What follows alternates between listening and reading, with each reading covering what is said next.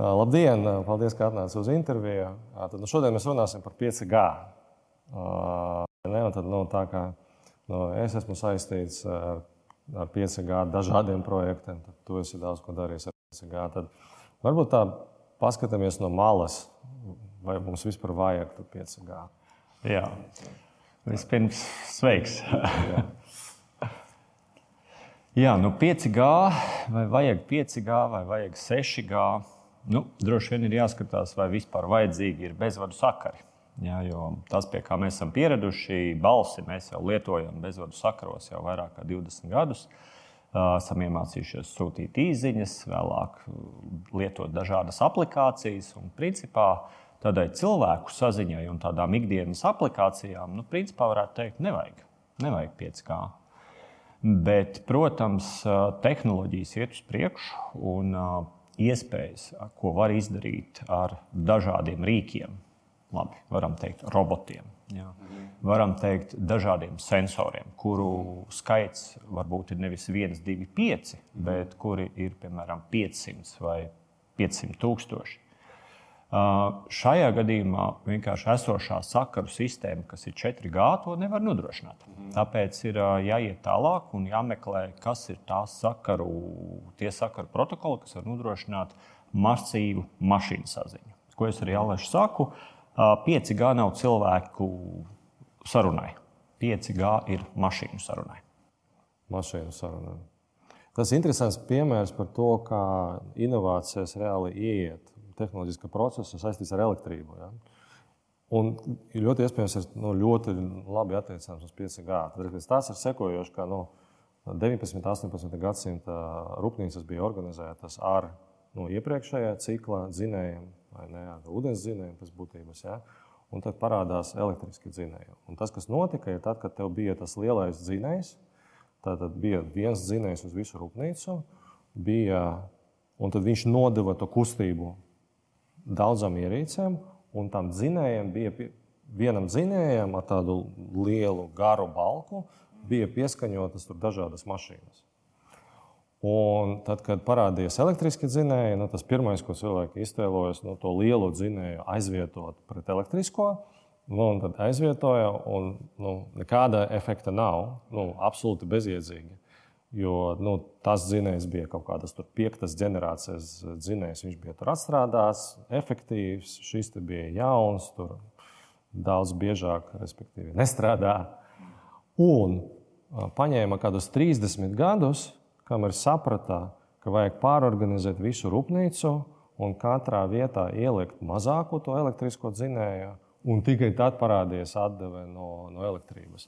Bet, bet tas ir kaut kas līdzīgs, kas varētu notikt ar 5G. Varbūt mēs steidzamies, varbūt var, vajag pagaidīt, kad nomainīsies paudze. Jā, man īstenībā ļoti patīk uh, skatīties tehnoloģiju nākotnē, tieši skatoties vēsturē. Uh, jo tur ir ļoti daudz līdzības. Protams, tev ir mazliet jāpievieno iztēle un mazliet jābūt nu, zinošam par lietām. Tad, tad īstenībā ļoti daudz vēstures, vēsturē var atrast nākotni. Un, jā, šis piemērs noteikti ir saistīts ar to. Un, ja mēs skatāmies tādā ilgākā vēsturē, bet ja mēs skatāmies tādā pavisam īsā vēsturē un skatāmies vispār GSM sakarus, jā, tad mēs zinām, ka industrija saka, ka tā pirmā paudze bija tāda, nu tāda. Otrā paudze bija ļoti laba, un īstenībā 2G šobrīd strādā, un viņš vēl strādās ilgi. 3G bija tā pirmā, tas mēģinājums tādai masīvākai datu pārvadēji, Bet ir skaidrs, ka operatori un, un, un vendori visi teica, nu, jā, kaut kas tur pietrūkst. Un tad atnāca 4G. Un tad, wow, viss teica, super, es varu skatīties YouTube, es varu streamot mūziku, es varu darīt visu, ko gribu, būt zumā un tā tālāk. Ja? Un tad ir atnācis 5G. Un tur ir līdzība, milzīga līdzība starp 1G un 5G. Tikai tā starpība tas bija cilvēkiem, šis ir mašīnai, bet mašīnām, robotiem, bet tas ir pirmās paudzes abas.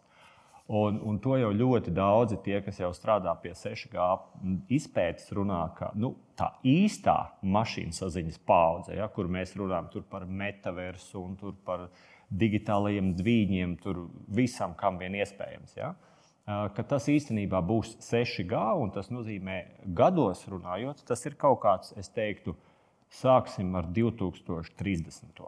Ja? Okay. Tas triks var nesteigties. Jā. var, bet domāt ir jādomā tagad. Un, un tāpēc mēs arī esam taisījuši 5G teritoriju īstenībā jau pirms četriem gadiem un sākuši strādāt pie tā vēl agrāk. Jo, lai tu sekotu līdzi tehnoloģijām, ja, ir, tev, ir, tev ir jāzina. Ja? Teiksim, man vienmēr Steve's Jobs likās interesants ar to, ka viņš prezentēja pirmo iPhone. Viņam jau bija skaidrs, kāds būs trešais. Ne? Un tā ir pieeja, kā, kā man liekas, ir arī šodien jāstāsta uz tehnoloģijām. Tu izmanto to, kas tev ir šodien, bet tev ir visu laiku jādomā, kas būs tad, kas būs tad. Jo uh, paskatāmies uz mobiliem telefoniem. Īs laiks, vai ne? Un kādas izmaiņas, un kādas funkcionalitātes, dizaini, viss iespējamais. Un tas pats notiks ar tām paudzēm pēc 5G tas būs ātri un tam nebūs viegli sagatavoties. Jo, redzi, stāsts jau nav par mašīnām. Stāsts ir par kas notiek cilvēku galvā. Un es domāju, mums priekšā stāv milzīgi izaicinājumi. Visi, kas kaut ko darām ar tehnoloģijām un kas ir rīktīgi iedvesmoti, es tagad uztaisīšu to, uztaisīšu šito, 5, 6 gā, vēl kaut kas. Ja? Jautājums nu, ir tāds slavens teiciens, Tante Bauskā. Ko tante Bauskā par to visu domā? Vai tante Bauskā kāps iekšā autobusā, kas piebrauks viņas viensētā bez šofera, atvērsies durvis un tur laipni meitene teiks, Tante Bauskā, mēs aicinām jūs iekāpt, vedīsim jūs uz uh, Rīgu. Es domāju, tā kundze aizbēgs no tā autobusa visticamāk. Pirmos piecus gadus. Piecus gadus Bet tu runāji par tantiem Bauska, kā tu nu, izskaidrotu nu, cilvēkiem, kuri nu, nenāk no tehnoloģijām, ar ko nodarbojas 5G teritorijā? Jā, mēs principā tātad, pirmkārt, 5G teritorija ir valsts elektronisko sakaru uh, projekts, prog nu, jau programma, jo mums ir daudz dažādas apakšaktivitātes, uh, ko mēs uh, pirms jāsaka, pieciem gadiem sākām domāt, ko mēs labu varētu darīt industrijai. Jo savā parastajā dzīvē mēs esam tehniskais regulators. Mēs, Latvijai ir frekvenču spektrs, mūsu uzdevums ir saplānot, piešķirt un uzraudzīt, lai iekārtas vai, vai, vai, vai, vai operatori savā starpā nekonfliktē. Uh, bet ir skaidrs, ka tajā, kad tu ienāc iekšā un saproti, ko tas dos uh, nākotnē un kur tas tiks izmantots, vispār frekvenču spektrs, kā viņš tiks izmantots un tā tālāk, Mēs, un redzot, kas notiek ikdienā tur ārā, ja, Bauskā, Valmjerā, Rīgā, nezinu, Liepā, ja, mēs sapratām, ka mums ir jā, jādara kaut kas ļoti praktisks, lai cilvēkus sāktu motivēt, iesaistīties tehnoloģiju saprāšanā. Un tas, ko es vienmēr esmu teicis, ja Latvija grib patiešām būt neatkarīga valsts pēc 30 gadiem, tad mums šodien ir jākļūst par tehnoloģiju radītājiem, nevis tehnoloģiju lietotājiem. Jo tā ir, nu, tur mēs varam ilgi par to diskutēt, kas un kā un kāpēc, bet, bet un skaidrs ir tas, saka, drošības riski, tādi riski, šādi riski. Tie riski vienmēr ir lieli tad, kad tu nesaproti, kāpēc tas autobus atbrauc pie tevis bez šofera.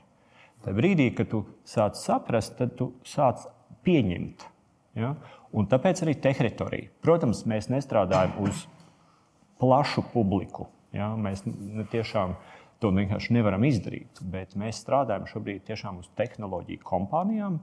Ne tikai Latvijā, mēs sākām Baltijas, Baltijas reģionā, Baltijas ziemeļvalstu. Šobrīd jau mums ir vairāk kā simts valstis mūsu tajā sistēmā iesaistījušās. Mēs skaidrojam, vedam cilvēkus kopā, lai kopīgi rastu risinājumus, kā piemēram radīt likumdošanu, kas neatpaliek no tehnoloģijām par 15 gadiem. Mhm. Respektīvi, mēs īstenībā esam savā ziņā ļoti tāli no uh, fiziskajām 5G iekārtām. Jo mēs neražojam neko. Ja? Mēs esam atbildīgi par frekvencēm, bet mēs ļoti labi saprotam, kāds ir tas laukums, kam tikai ir jābūt, lai, lai tās autobusi, droni, bezpilotu kuģi, Uh, rūpnīcu, digitālie dviņi, lai tas viss kļūtu par realitāti. Un tas nav par tehnoloģijām. Bet varbūt turpinot sarunu par 5G, tur radās uzreiz vairāki jautājumi. Tad, nu, arī skatoties vēsturiski, skatoties uz dažādiem spēlētājiem tajā ekosistēmā. Kam ir izdevīgi, atvainojos par provocējušu jautājumu, kam ir izdevīgi, kad mainās tehnoloģijas bieži? Mm. Jo man bija tas moments, kad nu, ieviesās, parādījās Google, parādījās vāze, un tad es ar savu uh, Vācijā ražotu automašīnu aizbraucu uz Vāciju. Un tur, tur, tur tā automašīna atdzīvinājās. Izrādās, ka izmantojot visas vēsas tehnoloģijas, nu, uh, tās parastais normāls Audi 6 sazinās ar kaut kādu centru, viņš zina par tiem korķiem, viņš sen zināja par tiem korķiem un nevajadzēja tam Audi nekādu vāzi. Respektīvi, visu varēja izdarīt ar no, tām vecām tehnoloģijām. Un tad kam nu, īsti ir izdevīgi, un vai vienmēr ir izdevīgi mainīt tas tehnoloģijas tik bieži? Jā, zini, kā, nu, zinot mazliet vispār satiksmes infrastruktūras attīstību Vācijā un, piemēram, šeit Baltijā, tad sanāk, ka mēs ši, ša, šis piemērs ir aptuveni tāds, ka uh, salīdzināt, piemēram, lāci ar, ar žirafi. Mēs esam lācis vai žirafa? Nav svarīgi, bet pilnīgi atšķirīgi. Ah, okay, atšķirīgi, atšķirīgi. Jo redzi, Vācija jau, protams, slavena ar saviem autobāņiem, un, un, un tur jau pirms un otrā pasaules kara laikā jau tur būvēja krustām šķērsām viņus. Un, protams, viņi diezgan agri saprata, ka, lai tās mašīnas tur skrietu, ja, kā vajag, ir vajadzīgs, piemēram, lielceļu radio, ja, kas ir speciāli kanāli, kas bija domāti tikai tiem, kas brauc pa, pa autoceļiem. Protams, tās attīstījās tālāk, jo sapratu, ka tā informācija ir jānonāk fokusētākai. Uh, parādījās tātad, uh, dažādas uh, inteliģentās sistēmas uz ceļiem, kas prata sazināties ar tavu automašīnu. Bet patiesībā sakot, tas, kas ir traki, visas šīs sistēmas gala lietošanā bija diezgan dārgas. Okay. Un kas par to maksāja? Protams, par to maksāja atkal, nu, tur, kurā brīdī valsts, kurā zemiene, kurā kas. Uh, tas, par ko tu runā par veizi, ir, ir pilnīgi cita tehnoloģija. Uh, tā ir aplikācija mūsu telefonā, kas būtībā barojās no GPS datiem un no pārējo lietotāju datiem. Mm. Respektīvi, Vaza skatās, tad nu, brīvības iela, uh, tur tikai Maksims brauc, vai tur vēl 500 rūtīši arī apkārt brauc. Ja? Un, un viss, un tajā brīdī viņš tev sarēķina un pasaka, šī ten būs tagad jāpastāv. Ja?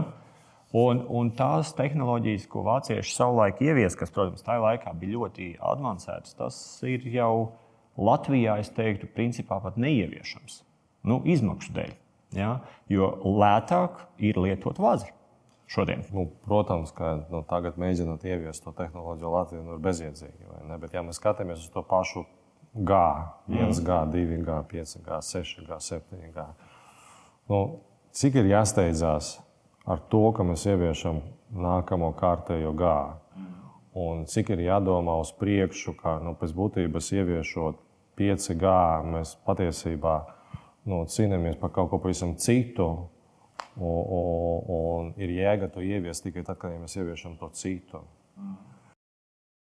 Nu, redzi, tur tas galvenais jautājums, protams, ir par kopīgo tehnoloģiju briedumu līmeni un kāds ir patiesais pieprasījums.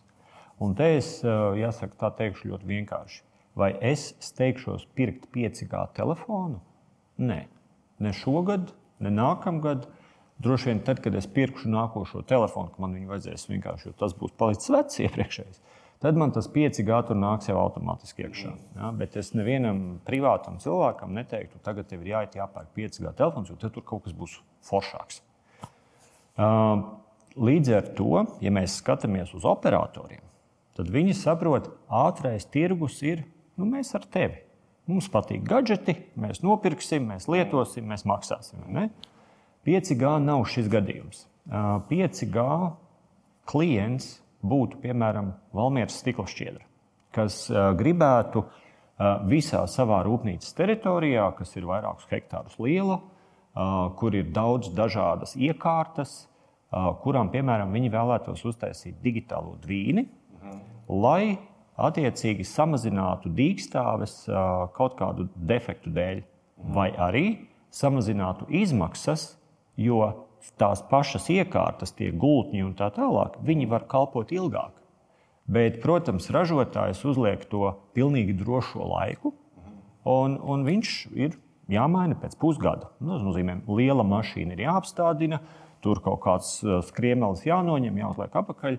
Tas ir laiks, tās ir izmaksas. Ja tur būtu klāts pielikts digitālais dvīnis, tajā brīdī mēs varam redzēt reālo nodilumu, mēs varam redzēt reālo iekārtu statusu. Un to jau pasaulē ir ļoti daudz piemēru, ja, kur gan metāla rūpniecībā, kalnrūpniecībā un tā tālāk. Tā tālāk mēs ar esošiem mehānismiem, ja tā tos var nosaukt, varam izdarīt daudz vairāk. Un kas galvenais, apkopē tērēt daudz mazāk laika, izrietoši daudz mazāk zaudēt naudu dīkstāvēs. Ja?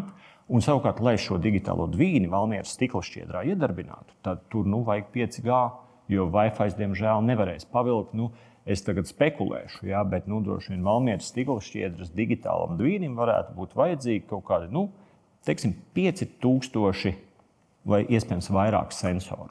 Nu, viņiem visiem jābūt reālā laikā saslēgtiem ar, ar, ar, ar, ar pārējām iekārtām. Nu, to vairs mēs Wi-Fi tā īsti nevarēsim iegūt. Tāpēc 5G.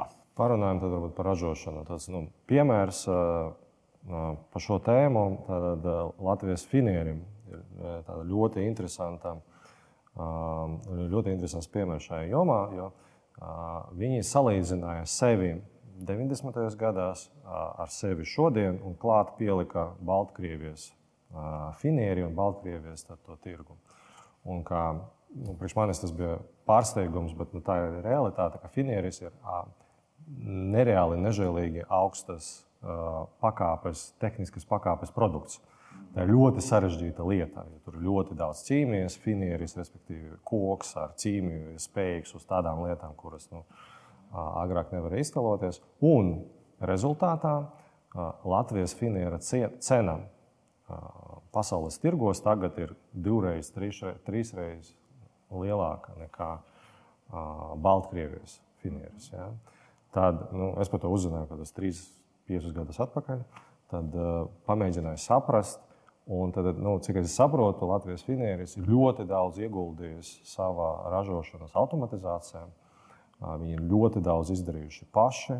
Un visdrīzāk nu, Latvijas finieris ir viens no tiem uzņēmumiem, klientiem, kuri varētu izmantot 5G. Bet tas jautājums varētu būt kāds. Nu, nu kā tu redzi šodien Latvijas rūpniecībā, nu, tur arī pieskaitām lauksaimniecību, vai ne? Lauksaimniecība. Cik lielā mērā uzņēmumi reāli veido nu, tādas 5, 6G gatavos risinājumus, ka tev daudz kas ir automatizēts, ka ne tikai tā tantiņa ir balska, bet tie, tie, tie visa tā autotransporta rūpnīcas ietvaros ir pilnībā automatizēts. Nu, cik, cik mēs ieguldām uz to nākotnē, lai paceltu to savu produkta cenu pēc 30 gadiem? Nevis rīt vai pēc gada, bet pēc 30 gadiem.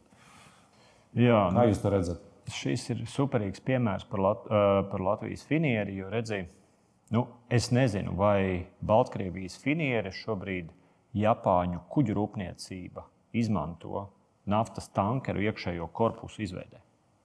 Varbūt ne. Latvijas finieri izmanto. Ja, tas tev taisnība, tas ir fenomenāli. Ja, būvē mājas, būvē naftas tankeris, tonnas, tur eļļa, tur viss finieris. Liekas, pilnīgi neiespējami. Ne? Uh, Un tas ir tas rezultāts, respektīvi, kas uzņēmumam ir iegūstams, ja tu saulēcīgi saproti tehnoloģiju jēgu. Un nevis, nu, piedod, pēc vienkārši jaunu gadgetu, jo tev tur kāds ražotājs atveda jaunu ēveli vai kaut ko tamlīdzīgu, ja? bet tu ar galvu domā, ka tev, tu dzīvo valstī, kurā iedzīvotāju skaits, domu zīme, darbinieku skaits samazinās. Tas nozīmē, ka tev ir jāsaprot, ka nu, tu šodien strādā pēc 5, pēc 10, pēc, iespējams pēc 20 gadiem. Tev ir jāsaprot, kas tev strādās. Ja, nu, ja cilvēku nav, tad kas? Meža zvēri nenāks, vai ne? Vajag kaut ko aizstāt. Tad ir jautā... šeit parādās niša robotiem. Ja? Uh, tu saproti, ka elektroenerģijas cena ceļās pasaulē, Eiropā, Latvijā zaļā domāšana un nepieciešamība dzīvot zaļi attīstās, tas nozīmē, ka tev ir jāskatās uz iekārtām, kuras tērē mazāk elektroenerģijas, kuras mazāk teiksim, rada CO2 un, un citu emisiju gāzes. Ja? Respektīvi, un, un šeit parādās konkrēts pieprasījums, kāpēc tev tavs uzņēmums ir jāattīst. Bet tagad par labo. Ja, tad, tad Latvijas finieris. Ja skatāmies uz Latvijas industriju kopumā, tad mana prognoze galīgi nav laba. Okay. Ja? Tad ir par koronu. Ir noteikti. Jo, jo tāds kā ir Latvijas finieris, tāds es teikšu, Latvijā ir vēl um, nu, 20 uzņēmumus. Es tev nepateikšu tā uzreiz. Ja? 5, jā, bet 20 nepateikšu. Ja? Un es bišķi zinu. Ja? Bišķi zinu, kas Rīgā notiek, bišķi zinu, kas Vidzemē, visās pārējās vietās. Ja? Un, un es esmu arī ar Bošu runājis, kas ir viens no lielākajiem automatizācijas teiksim, iekārtu piegādātājiem. Un, tas bija saruna pirms diviem gadiem. Viņš man saka, klausies, Neil, viss forši, tu te taisi fórumu un mēs gribam atbalstīt un tā. Bet Lietuvā 250 uzņēmumu šobrīd ir ieviesuši pie sevis šo tā saucamo Industriju 4.0 principu uh -huh. ražošanā. Lietuvā. Lietuvā. Okay. Lietuvā 250. Latvijā viens. Un, un tas, tas visticamāk bija Latvijas finanses. Saprotiet? Un, un, un tā ir dramatika. Jo, kā, mēs atkal te čīkstam un pīkstam par visu kaut ko, bet uh, ar galvu domāt mums brīžiem ir slinkums. Jo vienmēr liekas, ka tie tehnoloģiju teiksim, piegādātāji un radītāji, ka viņi ir kaut kādi jocīgie. Viņi ir tā kā tādi modes dizaineri. Tagad, Pēc zilus džinsus, jā, jā, vai, vai sarkanus. Jā. Ar tagad džinsi nav modē, tagad nezinu, tur neilonā visiem jāsteigā. Nu, tas nav tā. Un, un tas otrs stāsts ir arī tev pašam, un ir, ir baigi jādomā par tehnoloģijām. Jo nu, aizējām, nointervējam te ārā 20 uzņēmumu vadītājus, kuru apgrozījums ir nu, teiksim, pusmiljons līdz 3 miljoni. Pajautājam viņiem, kāda ir digitalizācijas jo, loma tavā uzņēmumā un cik cilvēki tavā uzņēmumā par šito kaut ko saprot. Un es nedomāju, šeit saprot mājaslapu uztaisīt vai Facebook profilu uztaisīt. Tas nav, tas ir cits stāsts. Tas neskaitās. Jā, tas neskaitās. Ne. Kurš no taviem cilvēkiem ir atbildīgs par procesu digitalizāciju tavā uzņēmumā? Nu, tur kurpju kaste nāk no Ķīnas. Ja? Es viņu redzu, redzu, redzu, redzu internetā. Ja? Tur loģistikas kompānija man piegādā datus, viņi tur atnāk līdz ostai. Forši. Labi, tad viņu tur man atveda līdz manai noliktavai. Vai es redzu to kurpju kasti līdz tam brīdim, kamēr viņi aiziet līdz manam klientam? No, Vai ne? Ja? Un, un tas ir triviāls piemērs, bet mēs varam paņemt uh, daudz sarežģītākas ražošanas, ja, kur mums ir jāsaprot, kas notiek ar izēvielām, kas notiek ar produkciju. Jo jautājums ir par peļņu. Ja? Un mēs ļoti labi saprotam, jo mums ir mazāks stoks, jo tas mums ir izdevīgāk, jo mums ir mazāk kādam jāmaksā.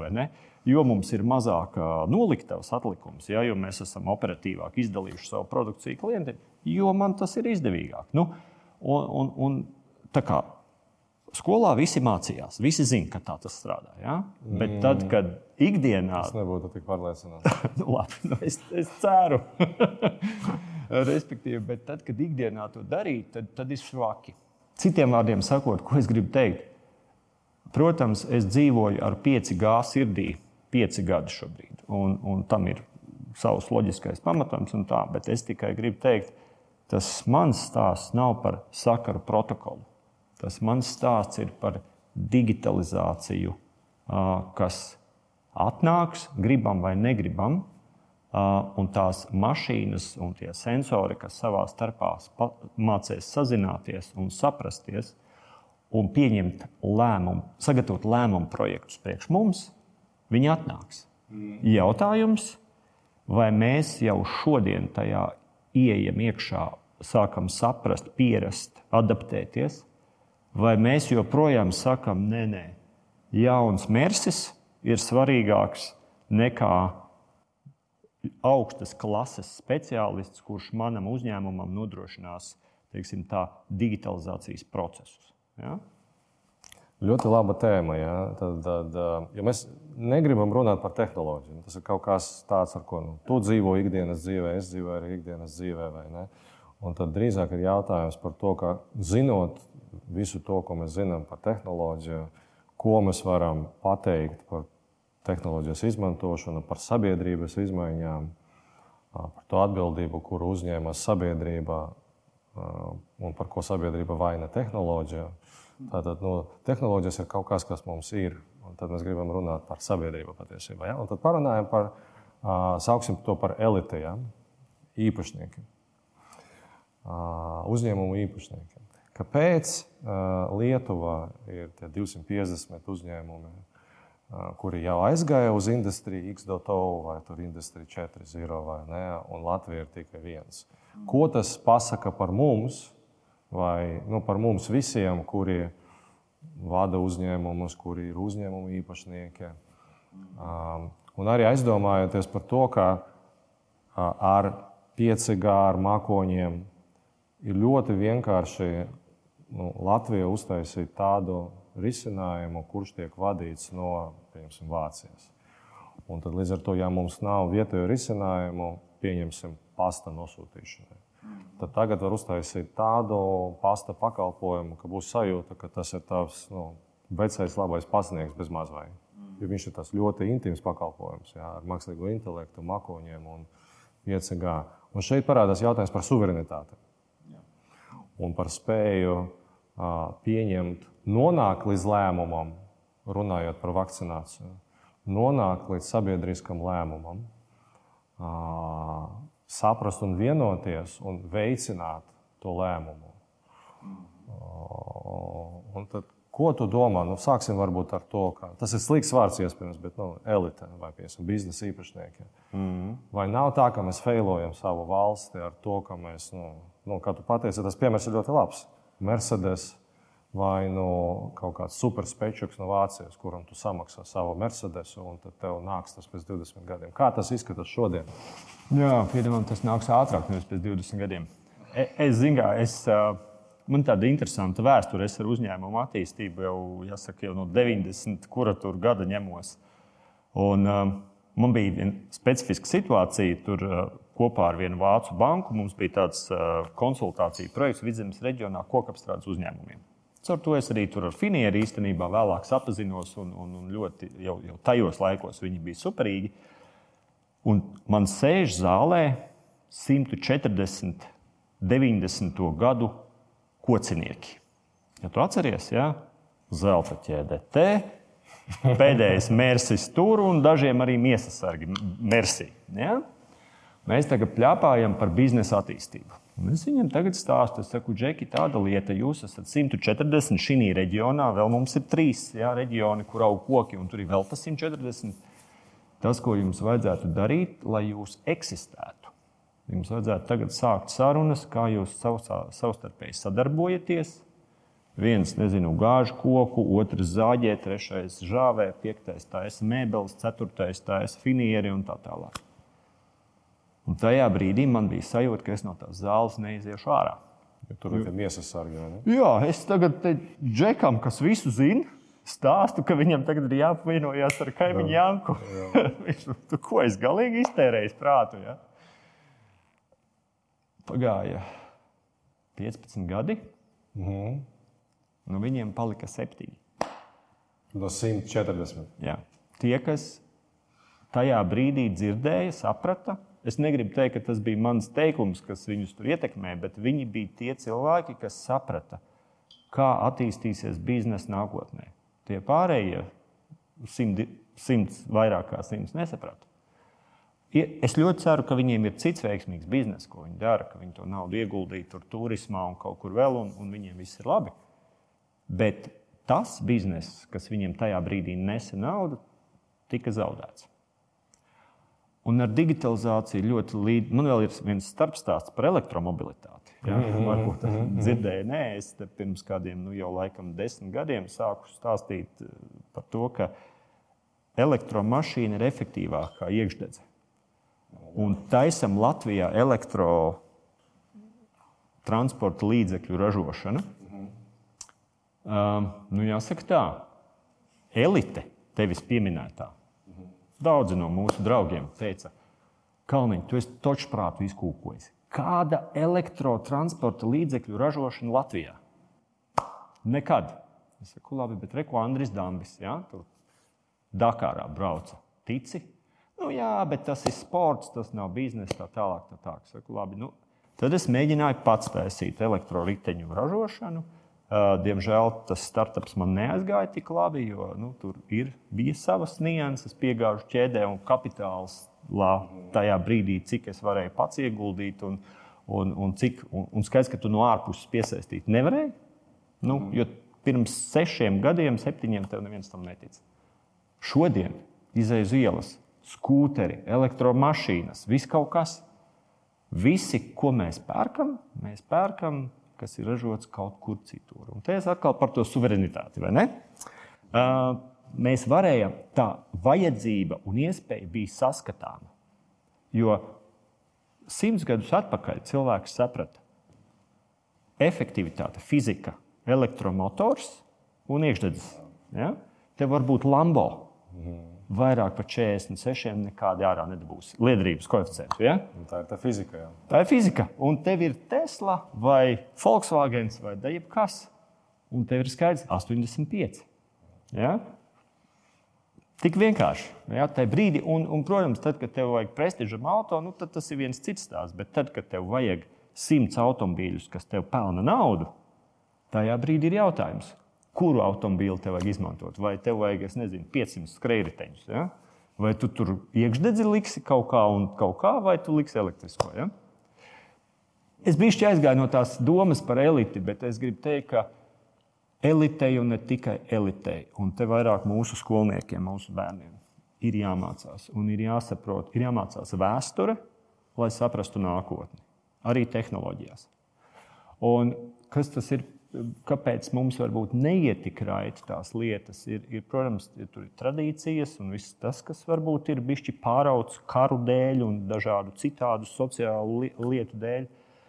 Bet, bet galvenais ir tomēr, ka es kolēģiem teicu, saku, ja izglītības ministrijai būtu bijis Excelis, šodien to nosauksim par mākslīgā intelekta priekšvēstnesi, ja?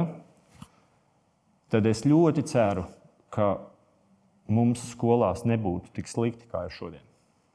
Es negribu teikt, ka visās skolās ir slikti. Mums ir labas skolas un tā, bet, bet es vienmēr zinu, ka jautājums ir, kāds ir tavs ķēdes vājākais posms. Mums nav skolotāju. Skolotāja algas ir tādas, kādas viņas ir. Ja? Tur mums ir skolu tīkls pa, platu, pa, pa plašu. Ja? Kāpēc tas tā ir? Ja? Kāpēc? Tāpēc, ka mēs pieņemam lēmumus emocionāli, nevis datos balstīt.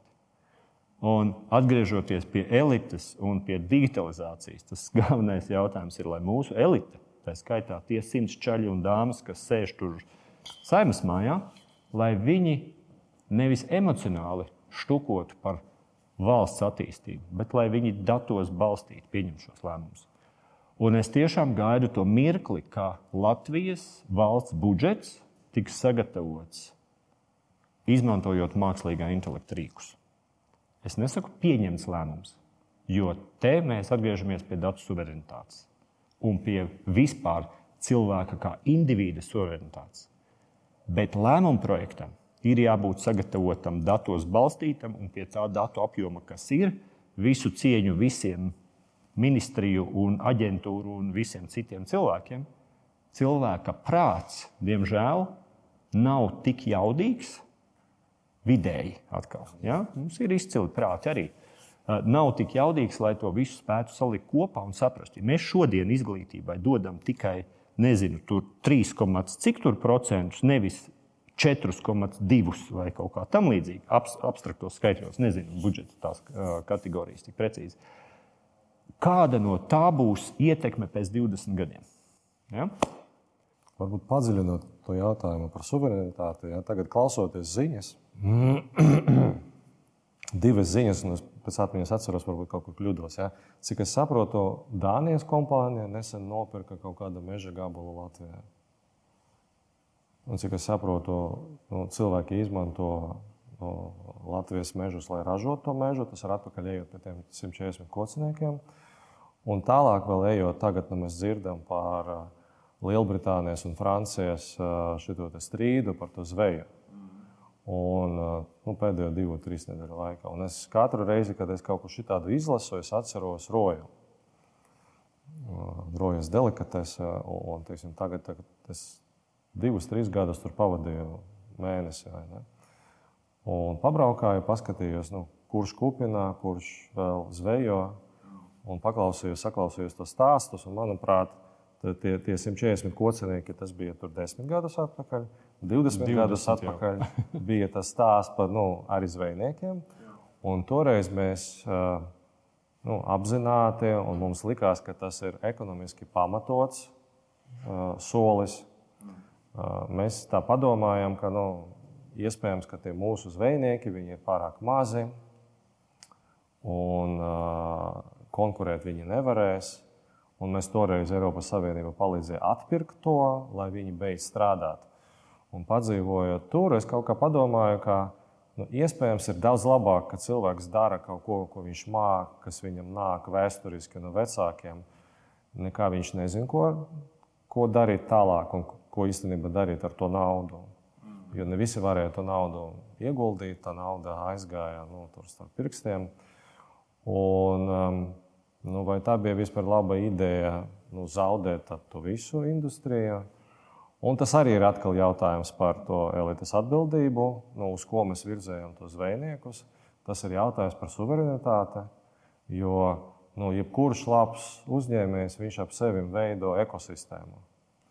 Ar saviem nodokļiem tā ir viena lieta, bet ar savu virzību arī ar to, ko viņš dara arī ārpus sava uzņēmuma. Nu, tas lielis, nu, vislielākais piemērs ir Džons Stalīs. Ja? un uh, mikrotiku. Un viņam nu, visiespējamais lielākais gods uh, gan par viņu ieguldījumu, gan par to, ka viņi patiesībā paši arī palīdz un pārvalda to 30 miljonu ieguldījumu. Ja? Tā ir vesela ekosistēma, kas paliks pēc, pēc Džona. Un, um, nu, tagad, skatoties uz to 5G un kā 5G attīstīsies, un tas suverenitātes tehnoloģija mainās, suverenitātes jautājums paliek un ekonomiskas pamotāt, pamatātības jautājums paliek. Vai mēs varam izveidot tādu ekonomiku, kur cilvēki labprāt kaut ko dara, apmainās ar saviem produktiem, kaut viens saražot, cits atdod naudu. Ko mums vajadzētu tagad mācot, mācīties, skatoties uz priekšu? Jā. Jā, tas ir labs, labs jautājums. Es, es godīgi, es, man atbilde būs diezgan digitāla, ja tā var teikt. Man Aleša strādājot, ir bijis svarīgi izvērtēt alternatīvas. Jebko, gribu krāsot sienu, man vajag trīs alternatīvas. Vienkārši vajag. Es gribu pirkt mašīnu, man vajag trīs alternatīvas. Es, es taisu fórumu, ja, man, man vajag vairāk kā trīs alternatīvas, kā mēs to varam izdarīt. Un, lai tās alternatīvas radītu un, un efektīvi salīdzinātu, protams, tu vari izmantot galvu, bet ir datu kopas, kuras ir tik lielas, kuras tu nevari izmērīt galvā. Mhm. Un arī Excel nevienmēr palīdz. Un, un te, protams, mēs nonākam pie digitālajiem dviņiem, un mēs nonākam pie tā, ka mēs izmantojot mākslīgo intelektu, varam radīt, uh, simulēt dažādas situācijas un redzēt dažādas ietekmes un nākotnes projekcijas. Un, un tā nav fantastika tas īstenībā nu, ir tas, ko tie saucamie lielie jau dara šodien. Jā, tur visi Google, tur Facebook un, un visi pārējie, ko mēs zinām, jā, tur tas viss strādā. Viņš strādā visā biznesa procesā. Jā, un, un, un cik Latvijā uzņēmumi kaut ko tādu dara? Daži. Daži jā. Un arī, ja mēs skatām, ka biznesa pamatā ir jā, tā, tad, uh, ieņēmumi mīnus izdevumi ir peļņa, ja, tad te ir arī vienkāršais algoritms, cik mums mākslīgais intelekts palīdz ieņēmumus ģenerēt, kā optimizēt izdevumus. Un triks ir tāds, ko mēs darām ar peļņu, kā mēs varam izmantot mākslīgo intelektu, lai īstenībā vairotu peļņu. Un tam vairs nav matemātiski tik liela saistība ar tiem iepriekšējiem diviem. Jā, tur par to daudzi šobrīd jau gadus daudzus lauž šķēpus. Fintechā tur iet ātrāk, tur citās nozarēs lēnāk, bet, bet, bet katrā ziņā tas būs stāsts pie telekomunikāciju operatoriem kā viņiem savs bizness būs jāstrukturē, lai eksistētu. Mhm. Ja, un, un, un, un te man liekas, atkal tas atgriežamies pie vienām vienkāršām lietām. Vai vajadzēja cukurbietes aizliegt, vai zvejas kuģus vajadzēja sagriezt? Ja mēs šos lēmumus balstītu tiešām datos, nevis politikās, tad mums mazākais būtu iespējams izskaidrot cilvēkiem, kāpēc tas kuģis tika sagriezts. Jo šodien, ja mēs aizbrauktu uz to pašu roju, standarta atbilde, es ceru, ka es kļūdos, bet standarta atbilde tad Eiropa deva naudu, mēs atdevām kuģus. Ja? Tā ir tā standarta atbilde. Jā, ne? Kāpēc mēs cukurbietas vairs neaudzējam, kāpēc mēs tur Jālgavas cukurfabriku un visas citas aiztaisījām? Ja? Eiropa teica, Eiropa deva naudu. Ja? Un tas ir pilnīgi nepareizs signāls patiesībā. Jo, jo tas sanāk tā, ka mēs nevis domājam ar galvu, bet mums kāds deva naudu, un tāpēc mēs tajā virzienā gājām. Bet kā būtu bijis, ja mēs būtu? Jo es nesaku, ka tas bija pareizi vai nepareizi par cukurbietēm vai, vai kuģiem. Es nezinu. Jo man nebija datu. Tā nebija mana tēma. Ja? Mēs uzdodam jautājumu. Jā, tieši tā. Tad, tad, manuprāt, kā valsts budžets 22. gadam ir jāplāno, ir jāskatās, kas īstenībā notiek sabiedrībā šodien un kas notiks pēc 3, pēc 5, pēc 10, pēc 15 gadiem. Aizsardzības budžets. Ja? Mēs lepni sakām, ka mēs kvalificējamies. es droši vien tagad atkal dabūšu pa mizu, bet triviāli aizsardzības budžets un izglītības budžets kas vairāk nodrošinās Latvijas drošību pēc 5, pēc 10 un pēc 15 gadiem? Cilvēki, kas māca šaut, vai cilvēki, kas māca programmēt? Ja? Lūk, -hmm. Tad mans jautājums ir, kur ir jāiegulda nauda un kas patiesībā veido Latvijas aizsardzības spējas? Izglītība vai prasme šaut un jauni zābaki un superīgi, nezinu, karakuģi vai kas tamlīdzīgs? Es nezinu. Es tikai uzdodu jautājumu, jo es gribu saprast, jo man šķiet, ka izglītība un gudra sabiedrība sevi spēj pasargāt daudz labāk. Bet tas ir mans pieņēmums. Nav datu. Bet tēma, par ko parunāt, būtu medicīna. Jā, ja? medicīna jā, tas pats. Jā. Jo arī ar tiem diviem procentiem tur ir nu, tādi vienkāršāki jautājumi. Jo, ja mēs tērējam tos divus procentus, tad kur mēs tos 2% iztērējam? Vai tas tiek saražots, nu, pieņemsim, sāksim Eiropā, un pēc būtības nu, tas aiziet no Eiropas ekonomikas, vai tas tiek saražots kaut kur? Un, un, un tas ir ļoti, ļoti izšķirīgi, no, kur tas tiek terēts. Bet varbūt bišķiņš paskatoties uz to pašu no cita viedokļa, mēs nu, nesen pabeidzam publicēsim janvāri pētījumu par to, nu, kur, kur ir izglītība pēc reformas. Un tad mēs redzam, ka kaut kas ir mainījies, kaut kas nav mainījies. Nu, tur IT skolotāju skaits nu, iet uz leju, vidējais vecums iet uz augšu. Tad ir lietas, kuras nu, mēs nebijām spējīgi ietekmēt. Un tad mēs gribam nu, paskatīties datos, paskatīties nu, spogulī, pierē un saprast, nu, kas notiek. Bet tāda, nu, tā viena no tām lietām, kas tur ir redzama, ir tas, ka nu, visdrīzāk 90. gados, jo mazāk tev bija izglītība, jo cilvēks vidēji iespējams bija veiksmīgāks. Jo ekonomika tajos laikos vienkāršojās, vajadzēja spēju rēģēt, spēju sevi aizstāvēt ekonomiski un citādāk. Nu, un tagad mēs ieviesam kārtību, nu, salīdzinot ar 90. gadu. Mēs izveidojam valsti, Tad mums nešauja cilvēkus uz ielām tik daudz kā toreiz. Tad ir pavisam cita valsts. Mums ir drošums, mums ir neatkarība un tam līdzīgi. Bet tas arī mainīja to, ar ko vidējais cilvēks, un mēs nevienam tas statistisku, nu, mēs nemēģinām runāt par nezinu, Marku Zukerbergu, kurš ir viens uz visu pasauli. Mēs mēģinām runāt par, par, par, par normālu, parastu cilvēku, statistiski parastu cilvēku. Tad, ja toreiz bija pieņemsim, baigais pieprasījums pēc menedžeriem, jo nu, tas pieprasījums visdrīzāk arī bija reāls, jo nu, vajadzēja kādu, kurš uzņemas atbildību un tam līdzīgi. Ja? Šodien visdrīzāk nu, tik daudz menedžeru vairs nevajag. Un skatoties uz to izglītību, mēs redzam, ka šodien tie vecāki, kuri audzina, audzina bērnus, tie ir tie cilvēki, visi mēs, kuri dzīvoja toreiz, bet prasības ir mainījušās. Nu, lai bērns varētu būt veiksmīgāks pēc 20 gadiem, tad viņam ir jāzina tie tehniskie priekšmeti, ir jāmāk uzrakstīt ļoti skaidru un salīdzinoši garu sacerējumu Zini, man bija viens tas moments, mēs bijām restorānā ar dienvidu korejiešiem. Es stāstīju par mūsu izglītības sistēmas izaicinājumiem. Un tur bija daudz sarunu, bet tā viena lieta, ko viņi nevarēja saprast, nu, ko nozīmē, ka tīpa, bērns nemāca to matemātiku. Jo, nu, tā ir salīdzinoši normāla lieta. Visi iet cauri visiem tiem dažādiem vecumiem, bet nu, tur dēļ tur ir tā ģimene. Ir skola, ir sabiedrība, kura izskaidro, kā no Samsungam nevajag mm, cilvēkus bez vismaz skolas matemātikas līmeņa vai bez mazas skolas līmeņa sacerējumu formulēšana. Un tad viņi to nevarēja saprast. Un tad priekš manis tas bija tāds nu, apliecinājums, ka nu, kāds ir pasūtījums no sabiedrības. Tas ir tas jautājums pēc tās izglītības. Vai mums tiešām ir tas pasūtījums, vai mēs, kā sabiedrība, visi tie gandrīz divi miljoni, vai mēs reāli pasūtām to, kā.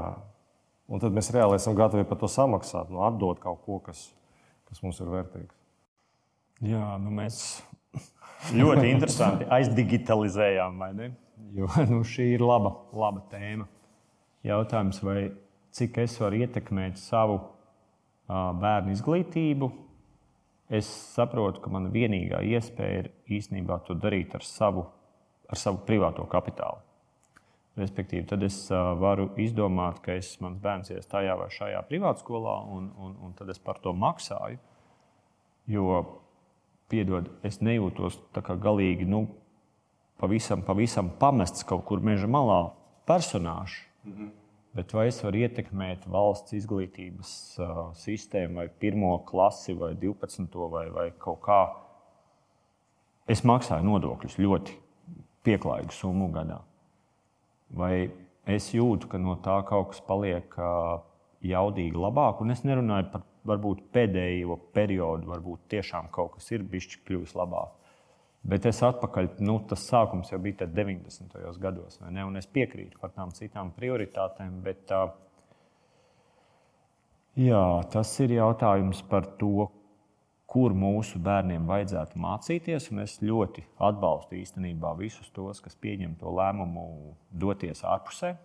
Ja, un, un patiesībā es teiktu vēl trakāk, es aicinātu visas pašvaldības patiesībā izveidot speciālus stipendiju fondus, lai sekmīgie vidusskolnieki varētu doties divus, trīs gadus mācīties ārpus Latvijas.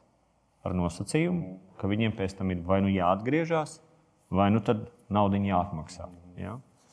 Jo, jo tas, kā māca augstskolās, tā pašā Amerikā vai, vai, vai kādā citā valstī, nu, tas ir, vai mums ir pieņemami, ka mums varētu uh, jaunietis mācīties biznesu un teleoloģiju vienlaicīgi. Visticamāk, tas būtu kā stāstīt par elektroautobīļiem pirms astoņiem gadiem. Ja? Kādā sakarā? Ja? Kas ir starpdisciplinārs? Ja? Mhm.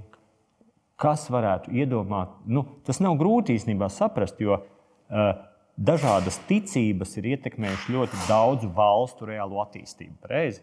Uh, piemēram, tirzniecības paražu attīstību. A, kā tu vari būt starptautiskajā tirzniecībā reāls džeks, ja tu nesaproti, kā tie čaļi pirms 2000 gadiem sāka to darīt? Es nesaku, ka tev ir jākļūst par mācītāju, es nesaku, ka tev tur jāizmācās visas detaļas bet tev ir jāiemācās sistēma. Tev ir jāsaprot, kā lietas attīstās. Ja? Vai mūsu izglītības sistēma šodien to mēģina nodrošināt? Es ļoti gribu cerēt, ka jā. Nu, zini, mēs mūsu intervijas uzskatām par veiksmīgām, tad, kad mēs atrodam to jautājumu, uz kuru nav atbildes. Abiem diskusijas dalībniekiem. Un, visticamāk, mēs esam atraduši vienu no tiem jautājumiem. Izglītība ir visa, visa, visa pamats. Jo pie tiem Lietuvas un Latvijas uzņēmumiem ar to industriju 4.0 tas ir tikai un vienīgi izglītības jautājums. Tur nav burbuļu nūjiņa, tur nav labāks premjerministrs vai sliktāks ekonomikas ministrs vai labāka tirzniecības, rūpniecības kamera vai kas. Visa pamatā ir izglītība un zināšanas. Jā. Paldies par laiku, paldies par interviju. Paldies, tev, Lielas!